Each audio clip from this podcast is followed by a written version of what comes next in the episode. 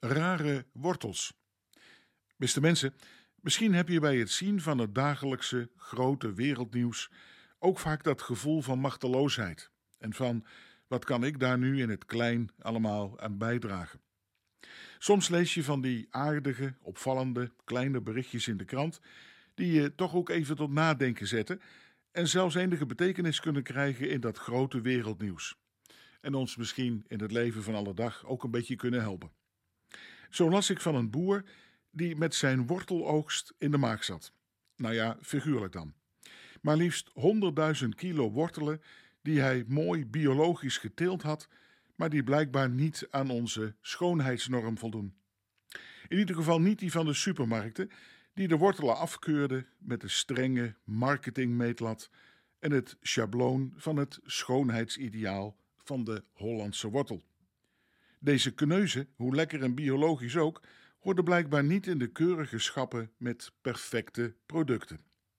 Je zou denken, in de Hollandse hutspot maakt de vorm van de wortels toch uiteindelijk niet uit.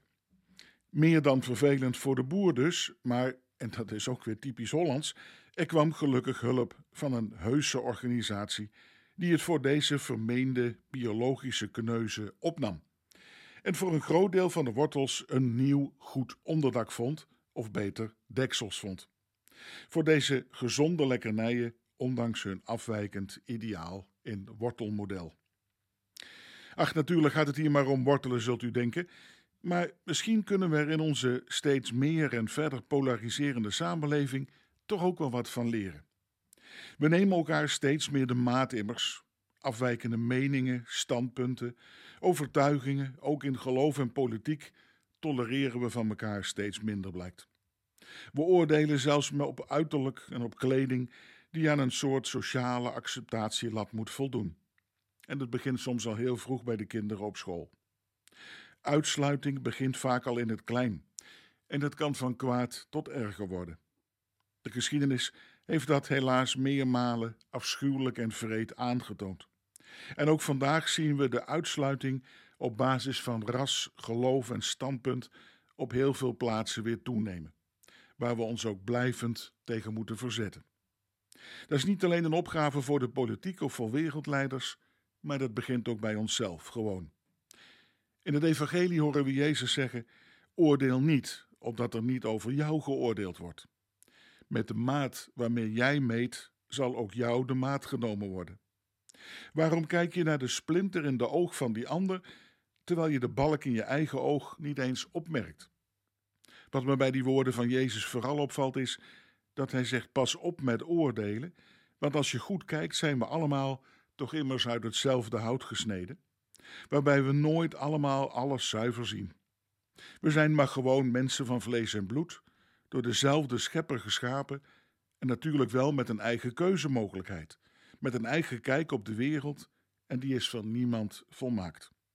Misschien kent u dat verhaaltje wel van iemand die de was bij de buren die daar te drogen hing altijd maar zo vuil vond, totdat bleek dat de eigen ramen nodig een wasbeurt nodig hadden.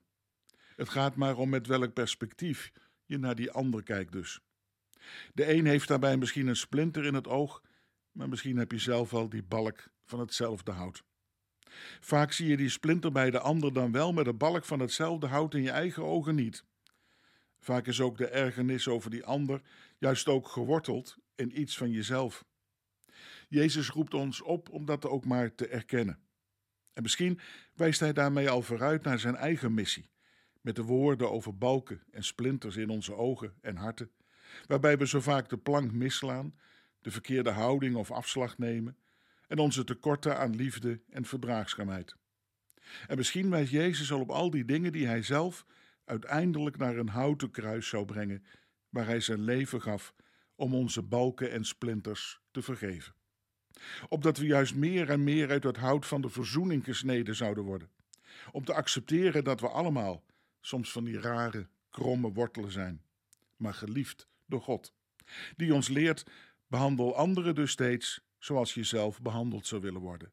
Dat is immers het hart van verdraagzame en vergevende liefde van het Evangelie, waarin Jezus ons voorging.